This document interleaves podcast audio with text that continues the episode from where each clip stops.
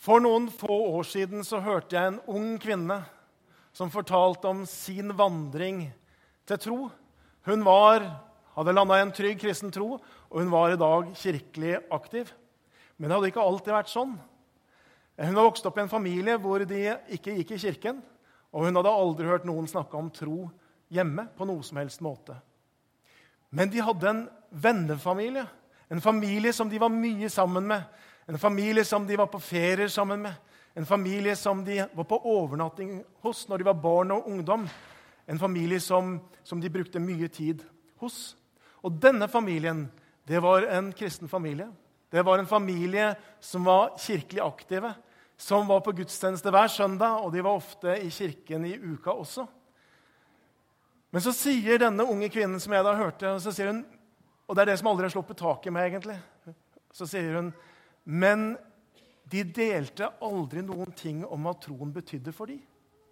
Og ikke én gang ble vi invitert med til deres kirke. Og så forteller hun hvordan hun som barn og tenåring og ungdom hadde en sånn lengsel om jeg bare kunne vært med der. Men invitasjonen kom aldri. De valgte aldri å dele sin tro vi har en taleserie gående som handler om et liv i tro. Og Vi har snakka disse søndagene her om å komme til tro. Vi har snakka om å leve i tro, også når ikke livet blir som man håper.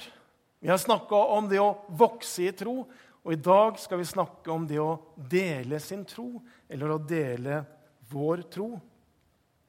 Og så er det jo så mye man kunne sagt om det temaet. Det er stort og det er bredt. og vi kunne sikkert snakke om det hver søndag et helt år. Likevel var det mye som var usagt. Vi kunne snakke om alle hvordan. Hvordan kan man dele sitt vitnesbyrd? Hvordan kan man svare på alle de der vanskelige spørsmål som man møter? Hvordan kan man finne de gode anledningene, sånn at man kan dele troen? Det er mange hvordan-spørsmål. Men i hvert fall er det sånn i mitt liv, og det er også litt av min erfaring, at det viktigste spørsmålet å stille oss er ikke hvordan-spørsmålene, men det mest grunnleggende, det er hvorfor. Hvorfor skal vi dele vår tro? Og så er det noe som skjer hvis vi virkelig på en måte får tak i det svaret. Ikke bare i hodet vårt, intellektuelt, men i hjertet vårt. Sånn at det blir en del av vårt verdigrunnlag. At det blir sånn tydelig Derfor er det. Derfor er det jeg skal dele min tro. Da skjer det nemlig noe med frimodigheten vår. Da skjer det noe med hvordan vi innretter livet vårt på. Da skjer det også noe med egentlig alle disse hvorfor. Nei, alle disse hvordan. De blir det så mye enklere å finne svar på hvis vi vet tydelig hvorfor skal vi dele vår tro. Og Det er det jeg har lyst til å se på i dag. Jeg har lyst til å gå til en tekst, og så skal vi finne fire jeg skal i hvert fall peke på fire sånne tydelige 'derfor' i denne teksten. Derfor er det vi skal dele vår tro.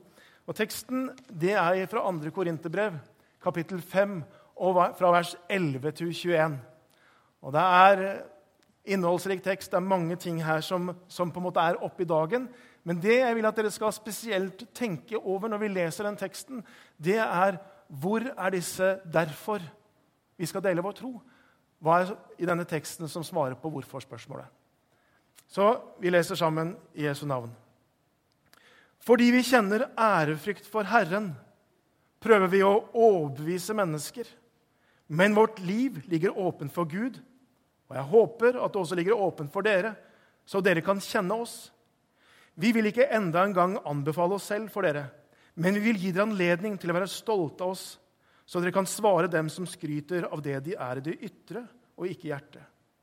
Har vi vært i ekstase, var det for Gud. Er vi ved sans og samling, er det for dere. For Kristi kjærlighet tvinger oss. Vi vet at én er død for alle. Derfor er de alle døde. Og han døde for alle, for at de som lever, ikke lenger skal leve for seg selv, men for han som døde og stå opp for dem. Så kjenner vi ikke lenger noen bare på menneskelig vis. Og har vi før kjent Kristus på menneskelig vis, så kjenner vi han ikke lenger slik. Nei, den som er i Kristus, er en ny skapning. Det gamle er borte. Se, det nye er blitt til. Men alt er av Gud, Han som ved Kristus forsonte oss med seg selv og ga oss forsoningens tjeneste. For det var Gud som i Kristus forsonte verden med seg selv, slik at han ikke tilregner dem deres misgjerninger. Og han betrodde budskapet om forsoningen til oss. Så er vi da utsendinger for Kristus. Og det er som om Gud selv formaner gjennom oss. Vi ber dere på Kristi vegne, la dere forsone med Gud. Han som ikke visste av synd, har han gjort til synd for oss for at vi i ham skulle få Guds rettferdighet. Amen. En flott tekst. Den inneholder veldig mye. Og det er en ekseget som har sagt om denne teksten at det er det viktigste charter, det viktigste dokument om den kristne tjeneste i det hele tatt. Den er viktig, og den gir mange gode svar på hvorfor vi skal dele vår tro. Jeg skal plukke ut fire. Det finnes flere. Så kan du gå hjem og så kan du leite etter resten. Men det finnes i hvert fall fire sånne punkter som jeg har lyst til å understreke. Og Det første det er i vers 11, eh, hvor Paulus sier fordi vi kjenner ærefrykt for Gud, prøver vi å overbevise mennesker. Ærefrykt for Gud.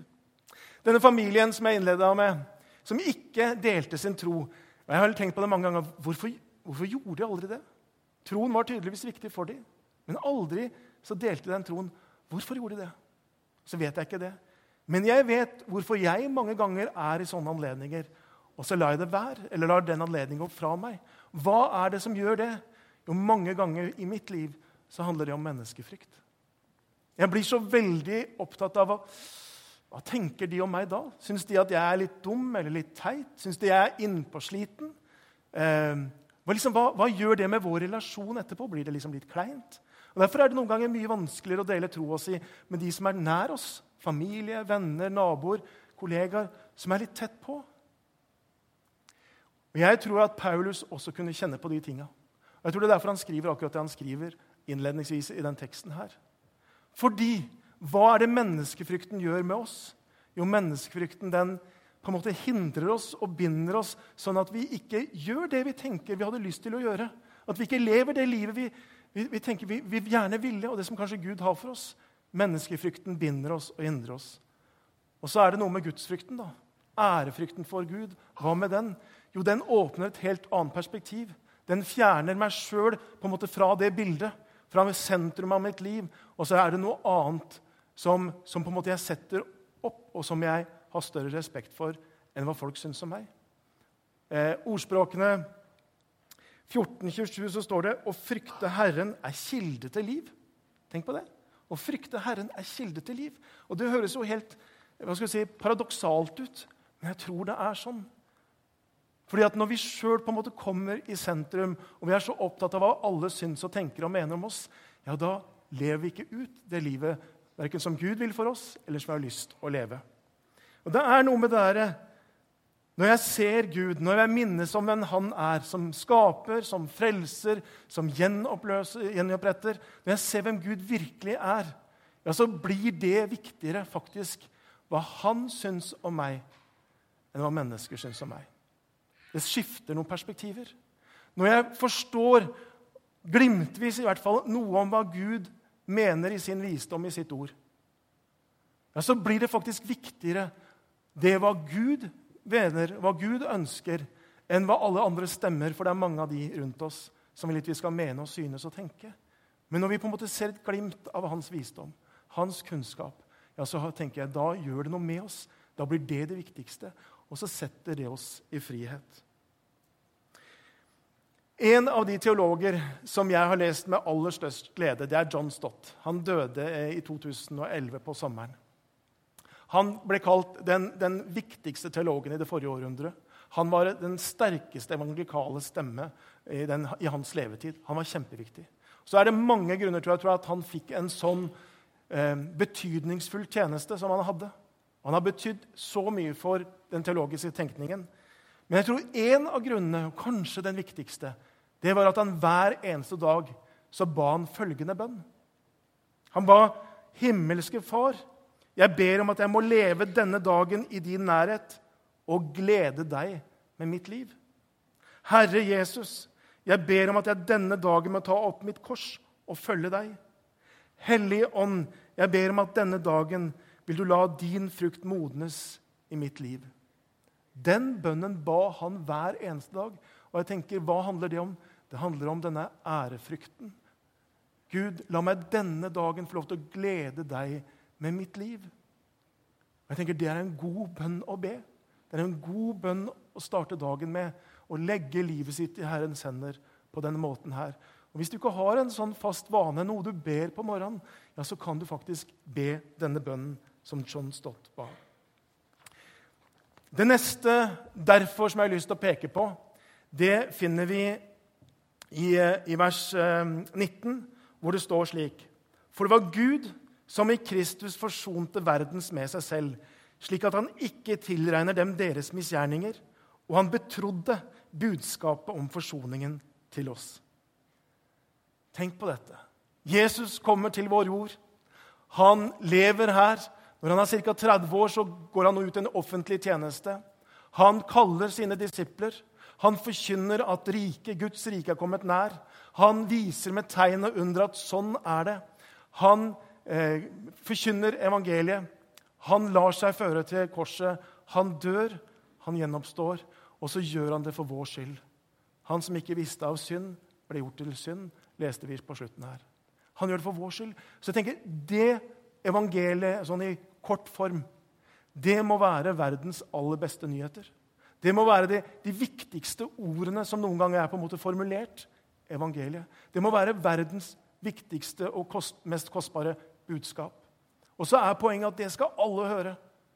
Og så sier Gud, Jesus, dette, dette betror jeg dere. Dette betror jeg dere, min menighet. Vi er evangeliet betrodd. Vi har fått forsoningens tjeneste. Hvilket privilegium. Hvilket fantastisk oppdrag å gå med. Og hvilket ansvar, kan du si. Ikke sant? Men hvilket privilegium.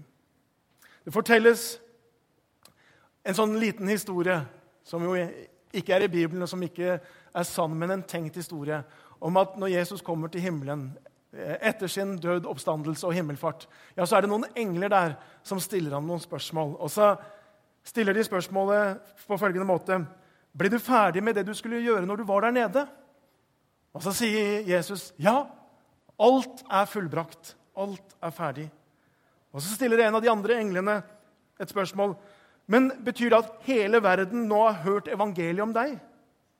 Nei, sier Jesus. Ikke ennå. Og så sier en av englene, men hva er planen din? Og så sier Jesus, jo, jeg har trent opp tolv, e, elleve menn eh, og noen andre, og så har jeg gitt de dette oppdraget. Ok, sier englene og ser på hverandre. Eh, hva er plan B? Og så er poenget at det er ingen plan B. Det er ingen plan B.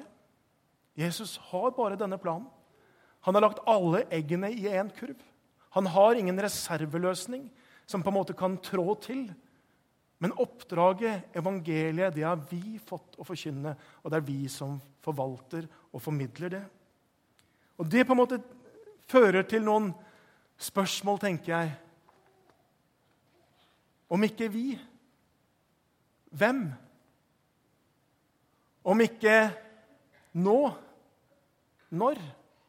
Om ikke her, hvor?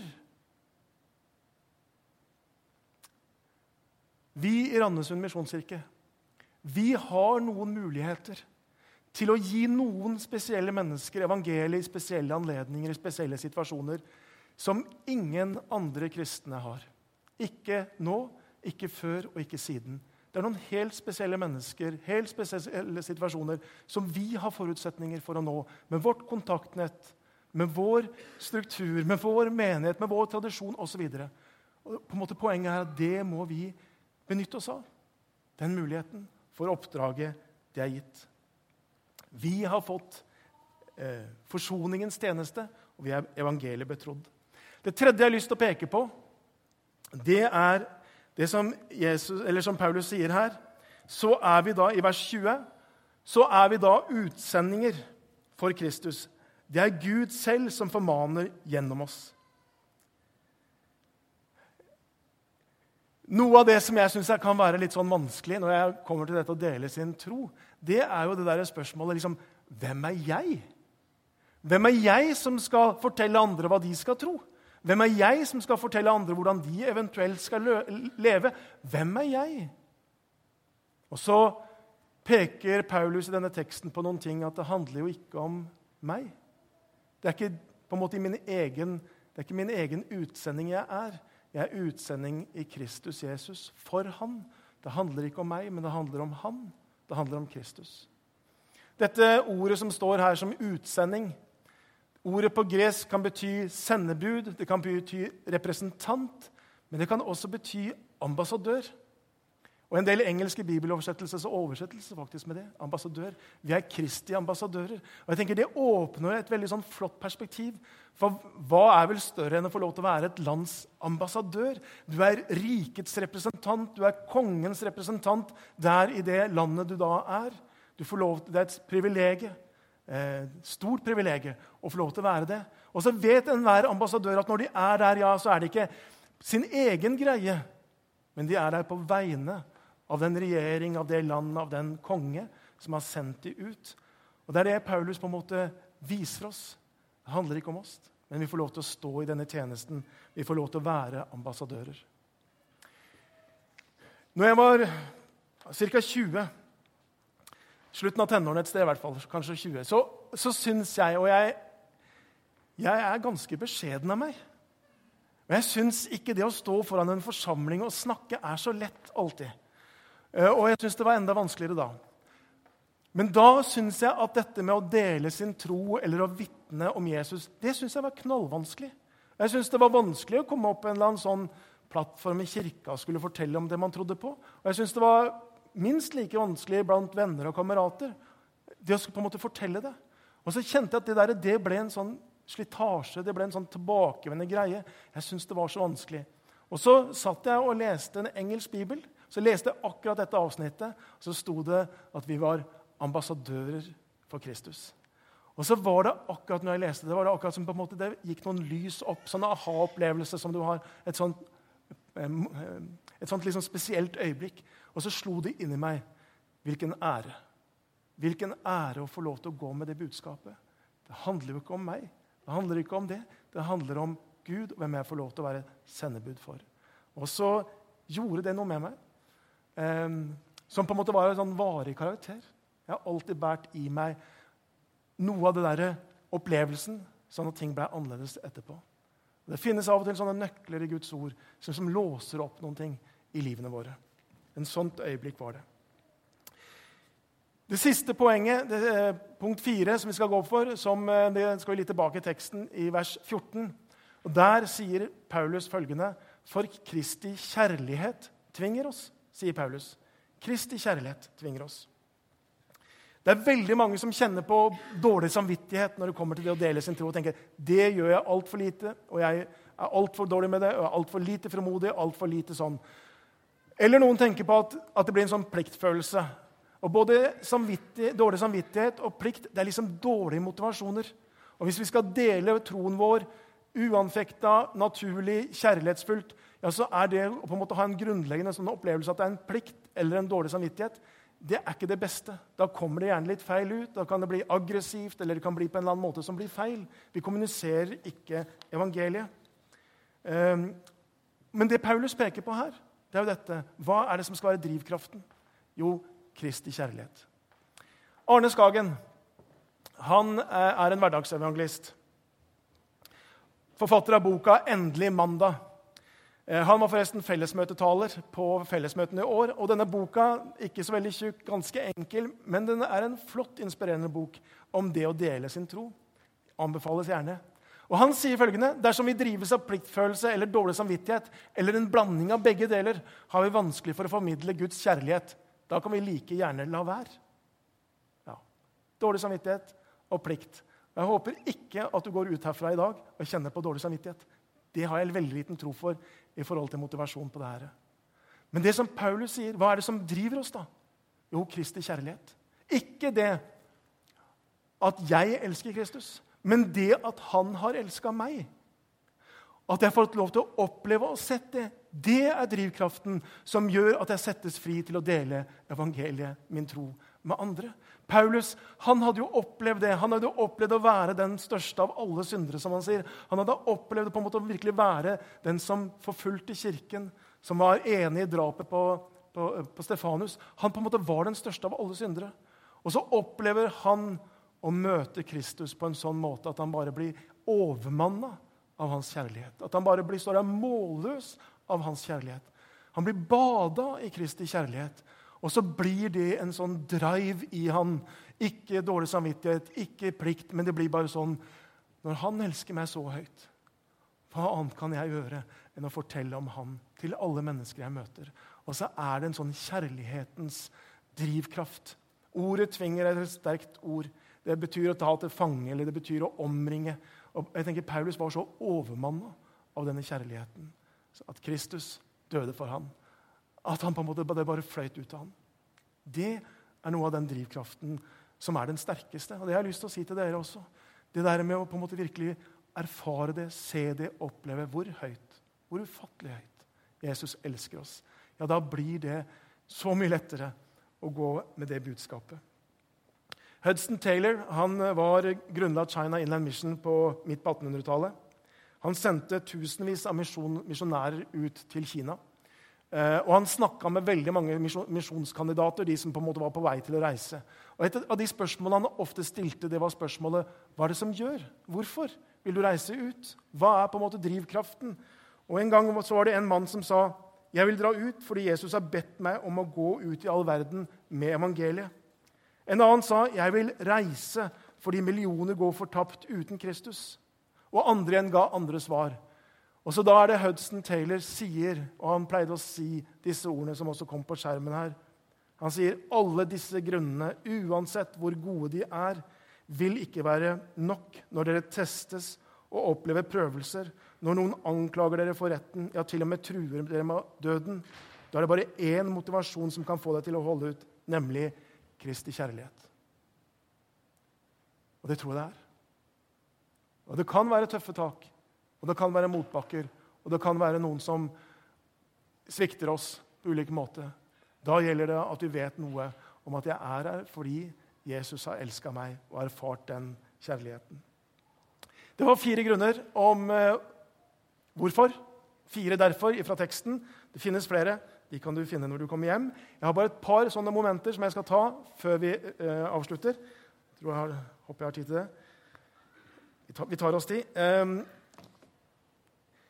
denne teksten her Kjempespennende tekst. Det er, det er, noen ord som går igjen. Det er ett ord som går igjen ti ganger på disse, nei, 13 ganger på disse ti versene her. Jeg skal ikke be du finne finne det der du sitter. Men det er altså ett ord som går igjen 13 ganger.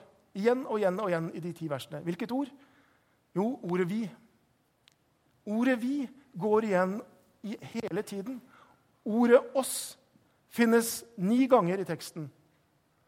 Ordet 'dere' finnes også ni ganger i teksten. Ordet 'jeg' står jeg, meg eller du i entall står én gang. Hva forteller det? Jo, jeg tenker Det forteller noe om at dette oppdraget er ikke noe vi er aleine med. Det er et oppdrag ikke bare til meg, men det er et oppdrag først og fremst til oss. Det er et vi-oppdrag, det er et oss-oppdrag. Eh, i det å dele min tro så tenker jeg så er vi en menighet. Liksom, det handler ikke bare om at jeg skal finne min venn og dele den troa. Men her er vi en menighet som kan komme opp på siden av hverandre, som kan støtte hverandre, som kan hjelpe hverandre, som kan be for hverandre, som kan veilede hverandre, noen ganger ansvarliggjøre hverandre, inspirere hverandre. Sånn at dette blir et vi. For det er det der. Det er et kollektivt ansvar. Og om dette er vi sammen. Og Sånn er det også vi ønsker at dette fellesskapet her skal være et godt sted å ta med seg folk som er søkende, lengtende, sånn som denne unge jenten som jeg fortalte om. At det skal være et godt sted å ta med seg mennesker. Og det er vi også sammen om.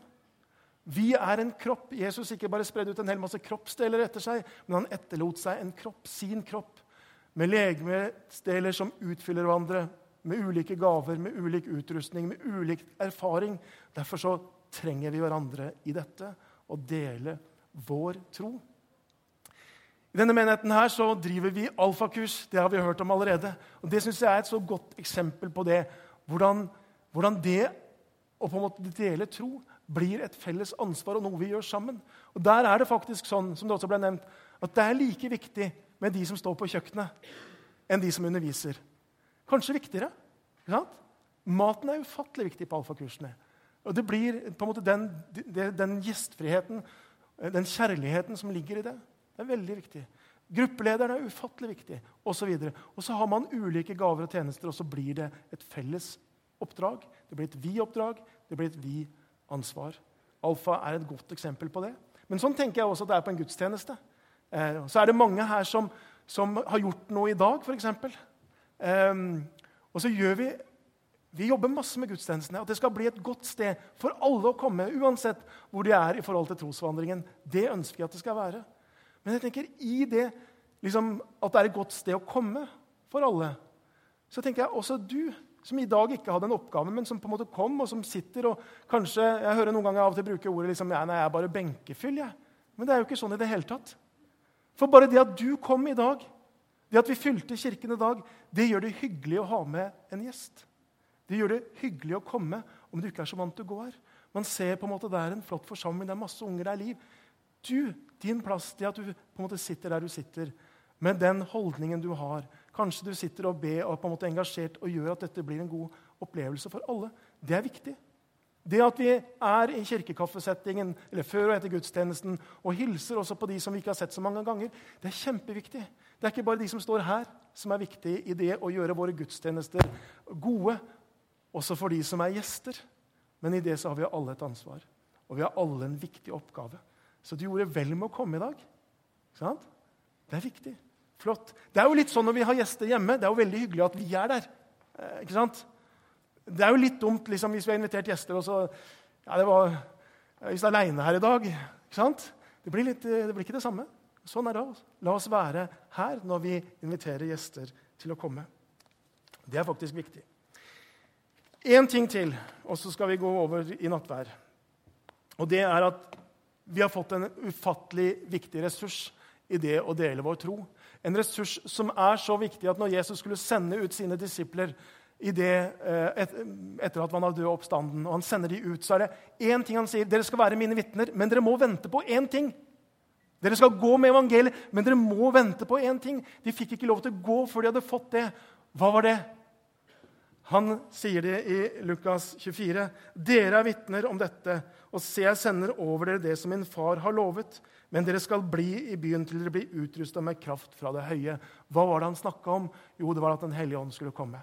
Og i det å dele sin tro så er Den hellige ånd vår største hjelper, som utruster oss med sine gaver, som gir oss kraft og frimodighet, som hjelper oss å finne anledninger og leder oss til mennesker som vi skal dele evangeliet med, og som også hjelper oss å finne ord. Det er fantastisk å oppleve det når du står i en eller annen situasjon og så lurer på hva skal jeg svare nå. Og så kommer det noen tanker som du i hvert fall du tenker, de har aldri tenkt før. Og så hjelper Den hellige ånd med å finne ord. Det punktet ble litt kortere enn det jeg hadde, men nå skal vi gå snart til nattvær. Men jeg har bare lyst til å, å understreke dette få tak i noen av disse viktige hvorfor vi skal dele evangeliet. Sånn at det ikke bare blir noe du har hørt her, men at det er noe som griper deg. Da er det nemlig ganske mye enklere. Veien til å dele evangeliet blir så naturlig. Da er det ikke noe man tar seg nakken for å gjøre, men det er noe som kommer innenfra. Og det er sånn det må være hvis det skal være eh, på rett måte. Så er det ikke noe vi kan på en måte ta oss i nakken sjøl. Det må komme innenfra. Det står, og vi har lest det, han ga oss forsoningens tjeneste. Tenk på det. Forsoningens tjeneste har vi fått. Føre mennesker til Gud. La oss be. Kjære Jesus Kristus, jeg har bare lyst til å takke deg for at du, du kom, du ga ditt liv, og så har vi et evangelie Jesus, å formidle til mennesker, sånn at mennesker kan få lov til å reise seg opp, at mennesker kan få lov til å å leve livet sammen med deg, at de kan finne fred, Herre. Og så be at du skal møte oss, Herre, med din kjærlighet. At du skal møte oss med din kjærlighet. Må vi kjenne det i dypet av vårt indre, hvor høyt du elsker oss. Sånn at det skaper en begeistring, en glede og en letthet til å dele vår tro også med andre, Herre. Jeg ber om det i ditt navn.